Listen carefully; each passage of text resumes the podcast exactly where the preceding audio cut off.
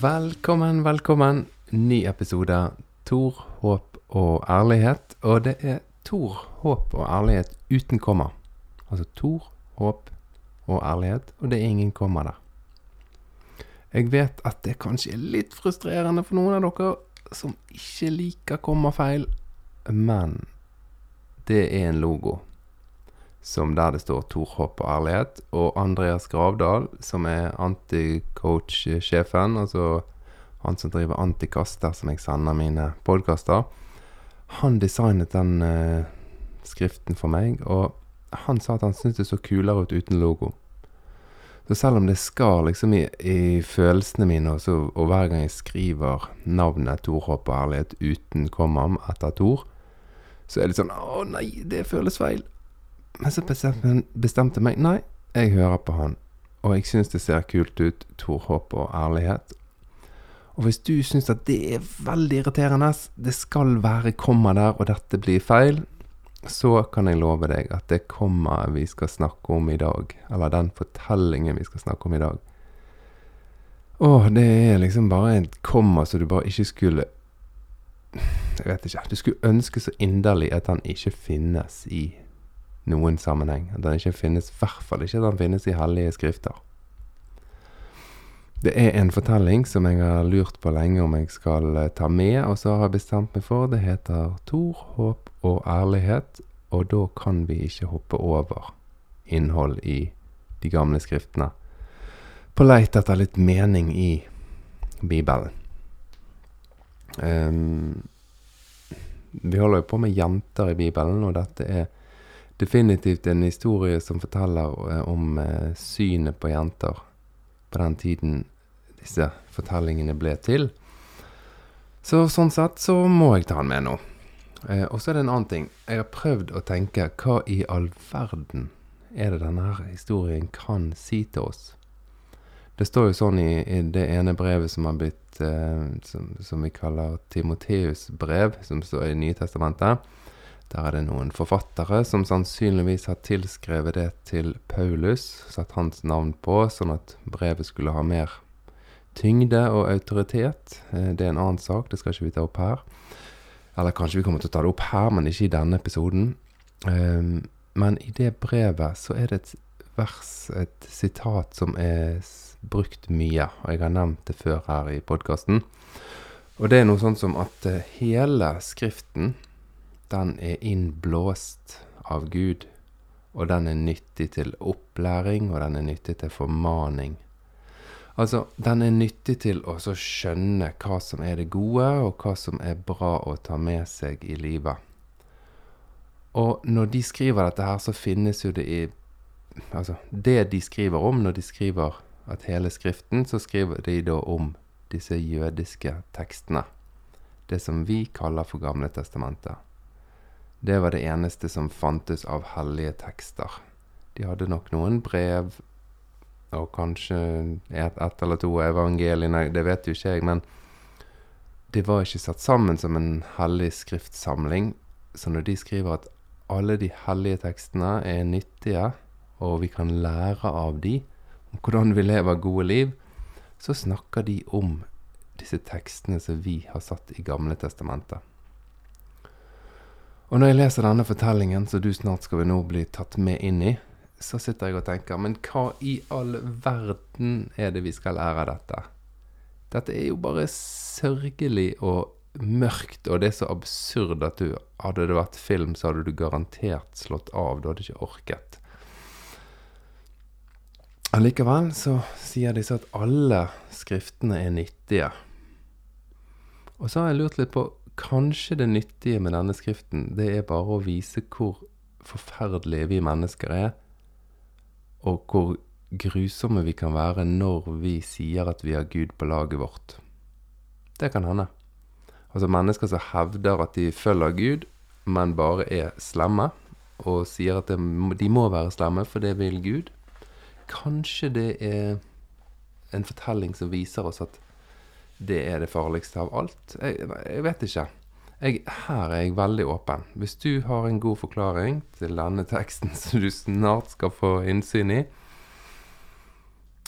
Klarer du å hente noe bra ut av dette her, så vær så snill, send meg en mail eller et eller annet. Gi meg en lyd. Men ikke bare en sånn Ja, Gud er av og til uh, hellig og streng og dreper. En sånn forklaring, det gidder jeg ikke. Men hvis du har en forklaring så du tenker at ja, dette kan vi faktisk hente ut av denne fortellingen, og det er nyttig for oss, så er det fint.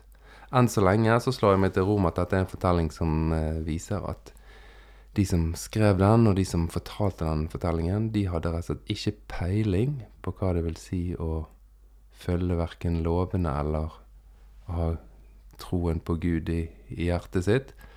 De bare later som, eller de bare er overbevist om at Gud er ondskapsfull, og derfor så gjennomfører de ondskap på vegne av Gud. Men det var et Nå hoppet jeg litt frem, nesten på en konklusjon, før du vet hva det gjelder engang, og det var litt gøy. Det syns jeg var litt gøy. For nå håper jeg du sitter og tenker hva i all verden, hva fortelling er dette her? Og du får ikke vite det helt ennå. For nå skal jeg først fortelle litt om hva som har skjedd før denne fortellingen. Eh, du husker kanskje fra søndagsskolen og fortellingene som du lærte da, at eh, en mann som het Moses, han ledet israelsfolket ut fra et sånt slave 430 år langt slaveriopphold i Egypt. Og da åpnet havet seg, og hele folket kom igjennom havet, og hæren som fulgte etter de egypterne, de druknet. Og så bodde disse disse folkene, disse slavene som hadde rømt, så bodde de i ørkenen i mange, mange år. I 40 år eller noe sånt. Og så har de i ettertid er det skrevet masse lover som har blitt tils, tilskrevet den tiden i ørkenen at det var da de fikk disse lovene.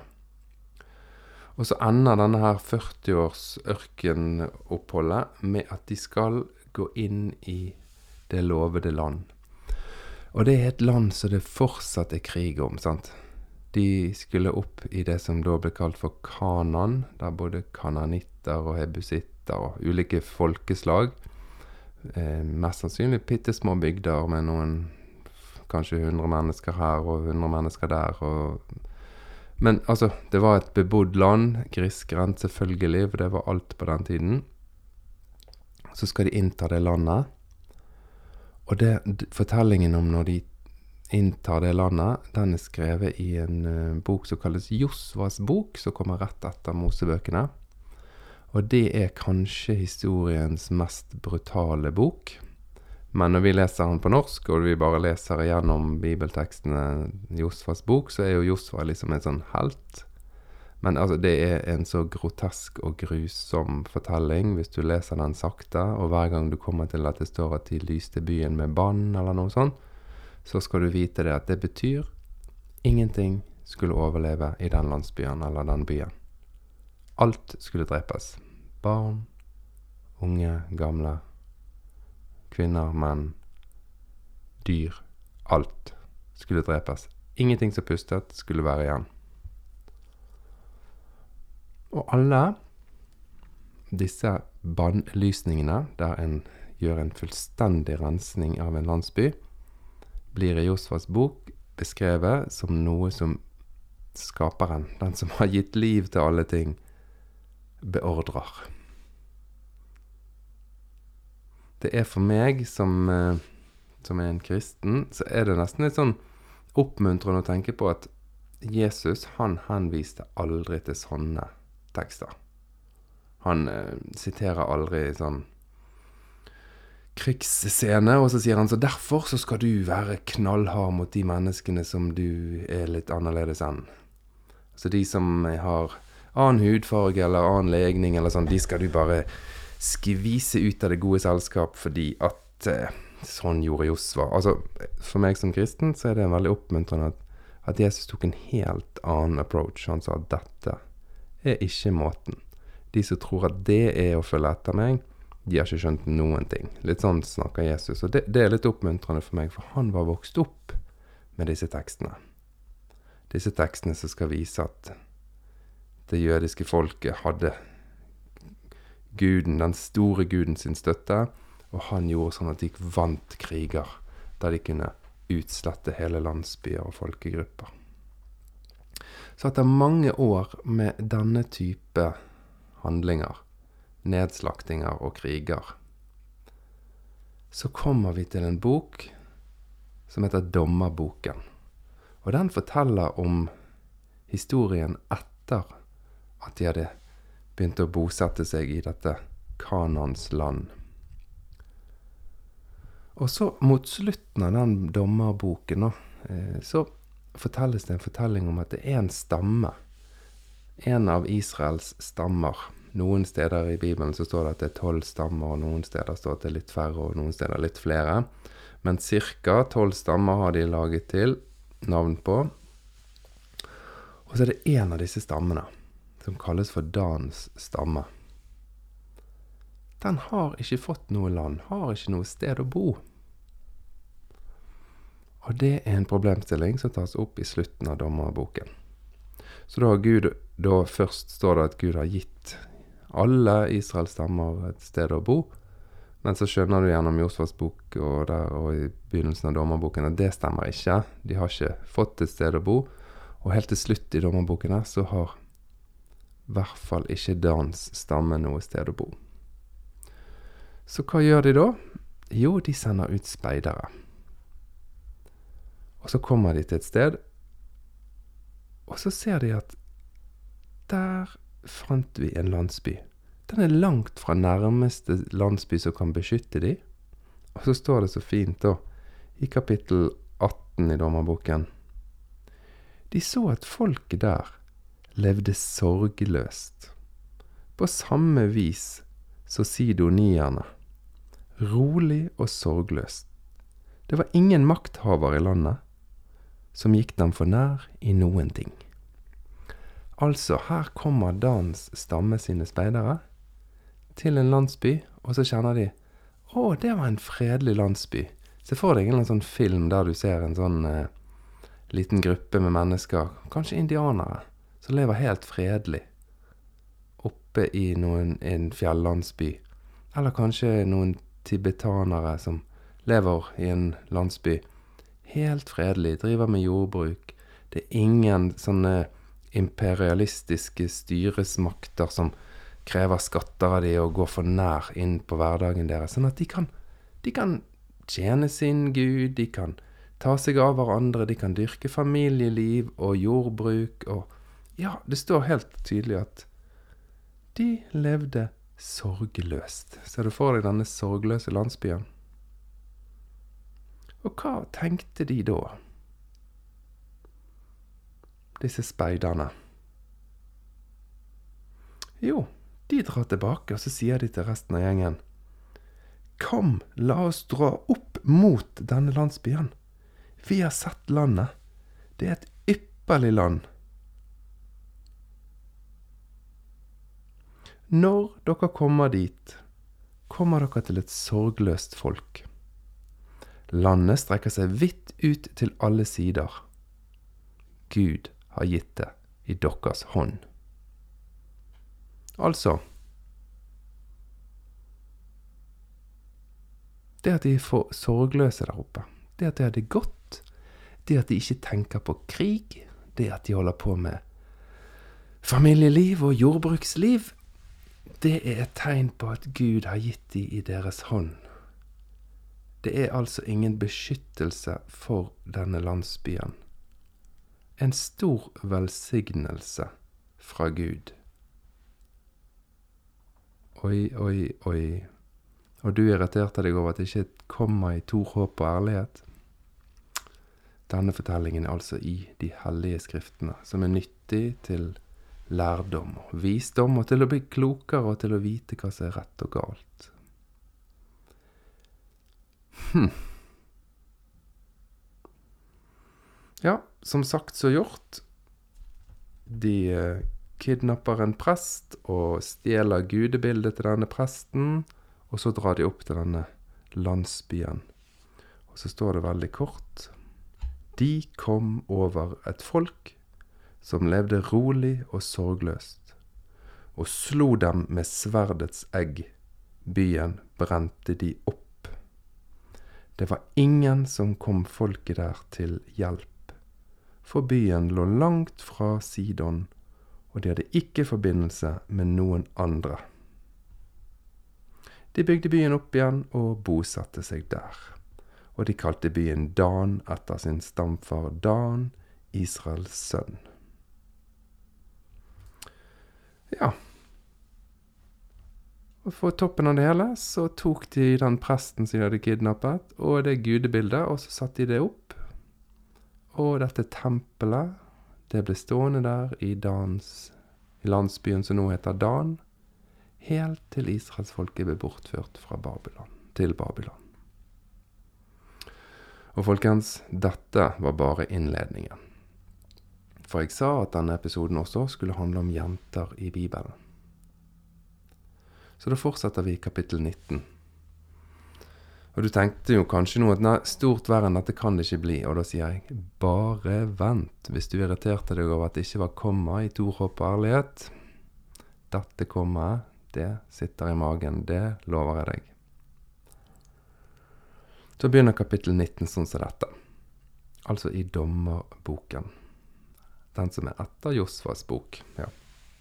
På denne tid, da det ikke fantes noen konge i Israel, var det en mann av Levis stamme som oppholdt seg som fremmed langt inne på Efraim, fjellet. Han tok seg en medhustru fra Betlehem i Juda. Altså en mann som har flyttet til en annen by. Han reiser da også til en tredje by, og når vi snakker om byer, så må vi huske at det er små steder. Vi har hytte inne i Balestrand. Det er sikkert sannsynligvis større bygd enn disse byene her som kalles byer var, da. Men ok, det, det er et sidespor. Han mannen her, han, det står kort og greit, han tok seg en medhustru. Altså, da har han minst én kone fra før. Om han har to eller tre, eller hva han har, det vet vi ikke, men han har i hvert fall en kone, og så nå tar han seg en medhustru. Men denne medhustruen, hun har ikke lyst til å, å bo der med denne mannen. Det står veldig klart at dette er en ung jente, og vi kan bare lure eller spekulere på hvorfor hun ikke ville være der med han. På norsk så er det oversatt sånn som dette. Men hans medhustru var utro mot ham og reiste fra ham hjem til sin fars hus i Betlehem i Juda. Jeg syns det er veldig fascinerende at en her bruker ordet utro. For mest sannsynlig, og sånn som det virker i sammenheng, og når jeg har sett litt på andre oversettelser, så ser det ut som at hun var rett og slett uenig med han. Hun hadde ikke lyst til å være gift med han. Mest sannsynlig en ung jente som har blitt giftet vekk til en fyr som er mye eldre, i et helt annet sted annen del av landet enn der hun var vokst opp. Dette ville hun ikke. Så hun reiste hjem til sin fars hus i Betlehem i Juda. Altså, en ung jente som ikke orker dette ekteskapet, rømmer hjem til foreldrene. Så da står det hun var utro mot han. Ja, Hvis du nå kjenner at du blir provosert, så bare la det ligge, for dette blir så mye verre at du har ikke tid til å tenke på disse innledende provokasjonene. Hun ble der omtrent i fire måneder hjemme hos foreldrene sine. Da bestemte hennes mann å reise etter henne for å tale kjærlig til henne og få henne til å komme tilbake. Og så kommer han mannen, da, for å hente konen sin. Og da kommer den unge kvinnen ut og hun, det står ingenting at de snakket sammen eller noe, men hun gikk inn og viste vei inn til sin far. Og så kommer noe fascinerende. Da skjønner du at faren til denne unge jenten og denne mannen som er gift, som har tatt seg denne medhustruen, de er kompiser.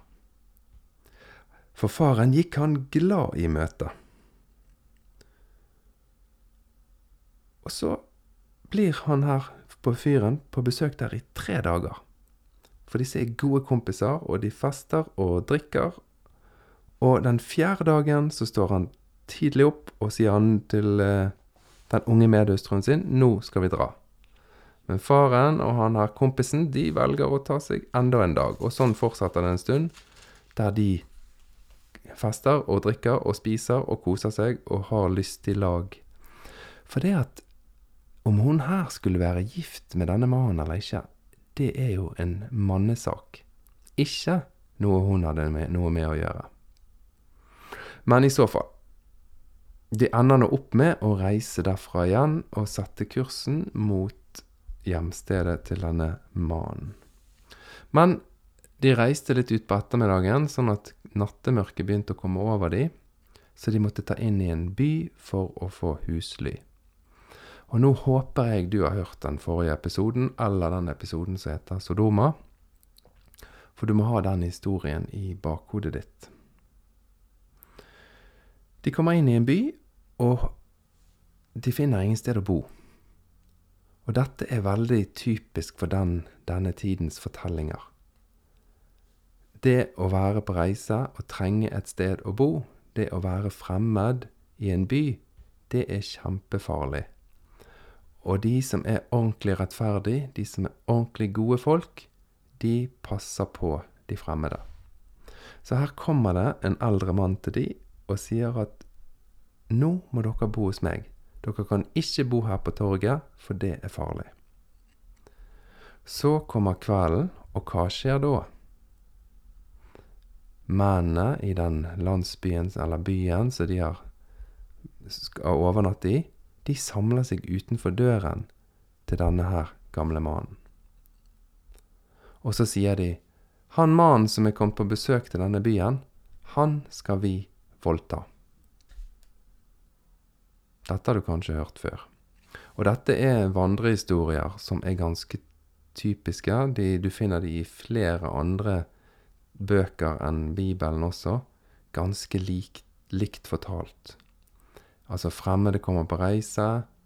De rettferdige tar vare på de og lar de finne et sted å sove. Og så er det byens mobb som kommer for å gjengvoldta mannen. Men denne her eh, mannen som de da bor hos denne natten, han vet råd. Han går ut og sier til de mennene som er utenfor døren eh, Dere kan ikke gjøre noe så slemt mot denne mannen som jeg har tatt inn i mitt hus. Jeg er jo da hans beskytter, siden han overnatter i mitt hus. Men jeg har en datter som er jomfru, og han har en ung medhustru her. Vi sender de ut til dere, så kan dere kjenne de. Hvis jeg forstår fortellingen riktig her, så ender det nok med at det er kun denne medhustruen, denne jenten som hadde rømt fra et ekteskap hun ikke ville være i, hjem til sine foreldre. Så var hun blitt hentet hos sine foreldre. Så har hun blitt dratt med til denne her byen her. Det er kun hun som blir sendt ut. Og han sier som Så står det så konkret og kort i vers 25, Dommerboken 19. Men mennene ville ikke høre på han. Da tok mannen sin medhustru og førte henne ut på gaten til dem. Det er mannen sin, det. Han har hentet denne unge jenten, som ikke ville være gift med han engang. Og når de truer med å voldta han, så tar han og fører denne unge jenten ut på gaten. De lå hos henne og for ille med henne hele natten til om morgenen, og slapp henne ikke før det begynte å lysne. Husker du Sodoma-fortellingen? Der endte det med at landsbyens innbyggere nektet å gjengvoldta de døtrene til den mannen som hadde gjester. Og da forteller Bibelen at da grep Gud inn og ødela hele byen. Men her er det altså en ung jente som blir sendt ut, og en rettferdig mann som sørger for å beskytte en annen mann sitt liv, har tilbudt de da sin egen datter og medhustruen til denne som er på besøk.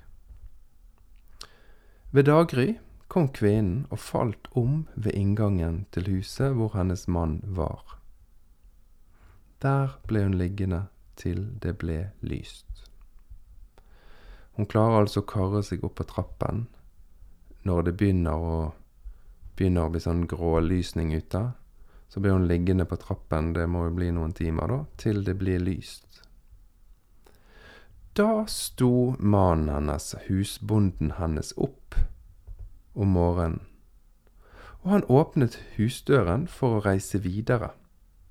Da lå kvinnen, hans medhustru, ved inngangen til huset, med hendene på dørterskelen.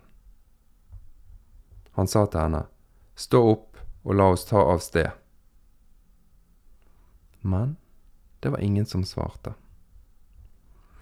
Da løftet mannen henne opp på eselet og gav seg på vei hjemover. Da han kom hjem, grep han en kniv, tok sin medhustru og skar henne opp, lem for lem, i tolv stykker, og sendte henne omkring i hele Israels land. Og hver den som så det, sa, slikt har ikke hendt og har ikke sett helt fra den dagen Israels barn dro ut fra Egypt og til denne dag. Tenk over dette og rådslå og si hva dere mener. Hva sa jeg?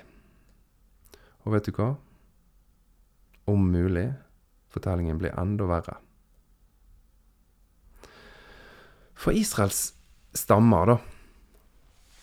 De finner ut at dette kan ikke vi godta, her må vi ta en hevn. Så de samles og spør denne mannen hvor var det dette skjedde, og han forklarer at dette skjedde i en bygd som tilhører Benjamins stamme. Og da blir alle de andre stammene i Israel enige om at da skal vi dra til Benjamins stamme og si at de må utlevere mennene som har utført dette overgrepet. Men Benjamins stamme, de nekter, så da blir det krig. En fascinerende sidespor der er at i kapittel 20 vers 9 så sier disse her Israels stammer vi skal gjøre med denne bygden Gibea. Vi skal kaste den under loddet. Og det har de enorm erfaring med, for det holdt de på med i flere år her. Kaste under loddet, det betyr rett og slett utslette alt, og så kaste lodd om eiendelene. Noe som du kan finne igjen i evangeliene, at de torturerte Jesus og kastet lodd om kappen hans. Så det der å kaste lodd altså Det er ikke noe sånn gledes. Nå skal vi spille et spill, og så skal vi se Skal vi ha det kjekt sammen. Det er kaste lodd her. Det er utslette alt som lever, og så dele byttet. Ja. Som sagt, så gjort. De dro opp mot Benjamins stamme. Og så kommer det gang på gang at de spør, de ber til Gud om hjelp. For det har jo de gjort hele veien når de har inntatt landet. Gud, skal vi gjøre dette? Skal vi gå til krig? Og her står det helt klart i dette kapitlet at Gud svarer ja, dere skal gå til krig mot Benjamins stamme. Og så må jo du spørre deg sjøl, i hvert fall spør jeg meg, hvordan i all verden kan disse forfatterne si at Gud svarte? Hvordan hørte disse folkene at Gud svarte? Hvordan kom de fram til det? Hvorfor har de skrevet at Gud svarte? Var det liksom en stemme som sa ja, gå til krig. Eller var det deres oppgiring på hevn, eller hva er det de egentlig hører? Jeg klarer ikke å tro på at det er noe svar fra Gud. Det står i Bibelen at det var svar fra Gud, men jeg tror ikke på det i det hele tatt, fra mitt ståsted. Men igjen, jeg er åpen for meldinger og mailer her. De spør så konkret hvilke av stammene skal gå først opp mot Benjamin, og Gud svarer Judas stamme skal gå først. Hvordan han svarte det igjen, det vet jeg ikke. Men Judas stamme drar i hvert fall opp Benjamins stamme er kjempeflink å krige, og de dreper titusener av mennesker, sånn at Judas stamme må trekke seg tilbake. Så da spør de Gud på nytt, skal vi gå opp til krig på nytt? Ja, igjen skal de gå opp og krige. Dette skjer noen ganger, og så står det helt spesifikt at barnebarnet til Aron Altså Aron, som var Moses sin bror og prest, tror jeg det er snakk om her. Barnebarnet hans var prest, og han spør de da skal vi enda en gang gå i krig mot Benjamins stamme. Og han sa, Dra opp, for i morgen vil jeg gi han i din hånd. Og det skjedde. Dagen etter så hadde israelittstammene en bedre plan. De rykket frem mot Benjamin. De, når Benjamin skulle da, Benjamins stamme skulle slå tilbake angrepet, så rygger den stammen som er gått til angrep, sånn at Benjamins folk kommer ut fra byen og beskyttelsen sin. Og når da slaget står utenfor byen, så rykker de andre stammene inn i byen og slår den med bann. Ingen overlever. Alt drepes. Kvinner, barn og alt. Og så dreper de alle soldatene, men 600 soldater klarer å rømme. Og når alt dette her liksom kommer til ro igjen, da, så står det en sånn fortelling om at disse stammene som hadde gått til krig mot Benjamin, de ble så lei seg. For at nå manglet de en stamme i Israel. Men så kommer de på at neimen, det er jo 600 mann igjen. Hva skal vi gjøre med de? For vi har jo lovet hverandre at vi ikke skal gi noen av døtrene våre som koner til disse mennene. Vi skal aldri gi noen koner til Benjamin stamme på grunn av det de har gjort. Hm, der satt de i en dilemma, hæ?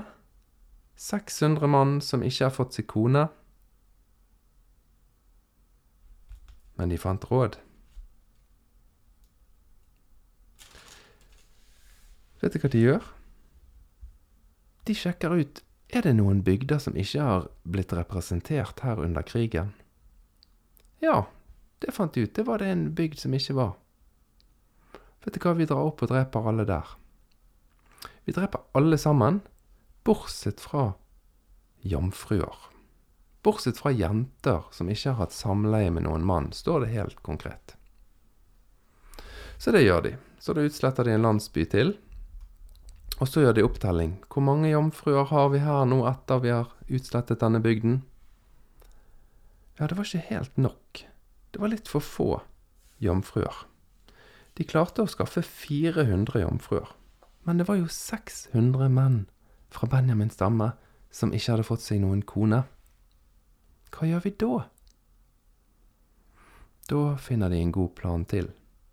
Det skal nemlig være en årlig religiøs fest der de feirer at de er israelsfolket som tror på den eneste sanne Gud. Og på den festen så pleier alle jentene i den bygden som holder denne festen, da pleier alle ugifte jenter å danse en dans. Så da legger de den planen at når disse jentene er ute og danser, da skal disse 200 mennene som ennå ikke har fått seg kone fra Benjamins stamme, da skal de kidnappe hver sin jente. For dermed blir den bygden som mister alle disse 200 jentene, de er da uskyldige. For da er disse jentene tatt fra de. De har ikke gitt disse jentene som koner til Benjamins stamme. Og det er jo en ed som de hadde lovet innenfor Gud, at vi skal aldri gi noen av døtrene våre til Benjamins stamme, siden de har oppført seg så fælt. Men denne planen var jo helt genial, for nå var det ingen som ga koner til Benjamins stamme. Det var 200 menn fra Benjamins stamme som kidnappet hver sin jente som var ute for å danse for å ære Gud. Ja. De lagde til og med en sånn unnskyldningstekst som eh, disse her kidnapperne skulle si, da. De skal si Unn oss dem, for vi har ikke alle fått oss hustruer i krigen, og dere har jo ikke selv gitt dem oss, disse pikene. For da ville dere vært skyldige i å bryte det løftet dere har gitt. Det var Dommerboken, kapittel 21, som vi avsluttet med der. Men skjønner du hva jeg mener? Noen ganger så ser jeg at eh, tolkning av gamle religiøse tekster ofte handler om å dra utviklingen tilbake. Det er litt det du kan se i sånn Boko Haram-situasjoner. Sånn is mm, islamistiske krigere som kidnapper jenter. Og så er jo det en altfor all drøy sammenligning å ta med sånn svært konservativ bibeltolkning, men det er nå allikevel en gang sånn at hvis du skal ha den tanken i bunnen, at vi skal tilbake til en sånn gyllen alder, for før i tiden, da hadde vi mye større respekt for ekteskapet, og det var ingen som skilte seg, osv., osv., så, så blir det bare helt ko-ko. For det var ingen her som kunne stille hæransvarlige til ansvar overfor en menneskerettighetsdomstol. Det har vi heldigvis fått i dag. Det rådet fullstendig galskap i våre øyne. Og synet på jenter, det var så ille at jeg klarer nesten ikke å sette ord på det. Og tro da at vi kan adoptere et eh, kjønnssyn fra disse tekstene, og så tillempe de i 2021, det sliter jeg kraftig med å forstå. Men som sagt, jeg trøster meg med at jeg tror at sånne fortellinger er med for å vise hvor ille vi mennesker kan oppføre oss. Det har vært min eneste forklaring. Men jeg ville ta den med i Tor, håp og ærlighet, fordi at jeg tror at hvis vi skal kunne forstå og hente ut noe kunnskap av denne boken som vi kaller Bibelen, så må vi ta med alt. Vi må skjønne at ting er skrevet i en sammenheng og en historie. Noen ganger har forfatteren hatt motiv av å vise at Gud er stor og sterk og går i krig for oss, og hvis dere ikke lyer oss, så kommer vi til å knuse landsbyen deres på den måten, med Guds hjelp. Og så mellom linjene så klarer jo ikke de som skrev dette her å filtrere ut hva vi i 2020 og 2021 ville reagere sterkt på. Så dermed så lyser deres kvinnesyn igjennom i alt det de skriver, for det var så selvfølgelig for de at kvinner var eiendom, og de handlet om å gjøre en deal mellom to menn om hvem som skulle gifte seg med hvem. Ok, jeg lover jeg skal løfte litt på humøret på de neste episodene, men jeg må ta disse med også, så det kommer nok noen sånne her skikkelig drøye innimellom, men jeg tror kanskje at dette er den verste fortellingen jeg leser. Ikke fordi at det er denne fortellingen der det skjer aller verst ting, men her blir du på en måte litt kjent med en jente som er utsatt for et, først en business deal der hun blir giftet bort i et ekteskap hun ikke vil være i. Og så blir hun offer for å sikre at mannen ikke blir voldtatt, så da blir hun massevoldtatt istedenfor helt til hun dør. Og hun ligger på dørterskelen til den mannen som hun egentlig ikke ville være gift med, og han sover og står opp først når det blir lyst. Og da har hun dødd. Eller det vet jeg faktisk ikke, det sto ikke at hun var død da. Men han bare kommer ut, åpner døren og sier 'reis deg opp, gjør deg klar til å dra'. Det sier litt om attituden fra han overfor henne. Og det skjærer meg i hjertet at forfatterne ikke reagerer sjøl og tar et oppgjør med denne holdningen, men de bare forteller det som en fortelling. Og de forteller til og med at de ber til Gud og gråter og får råd om hvordan de skal gå i krig. Nei, sånne fortellinger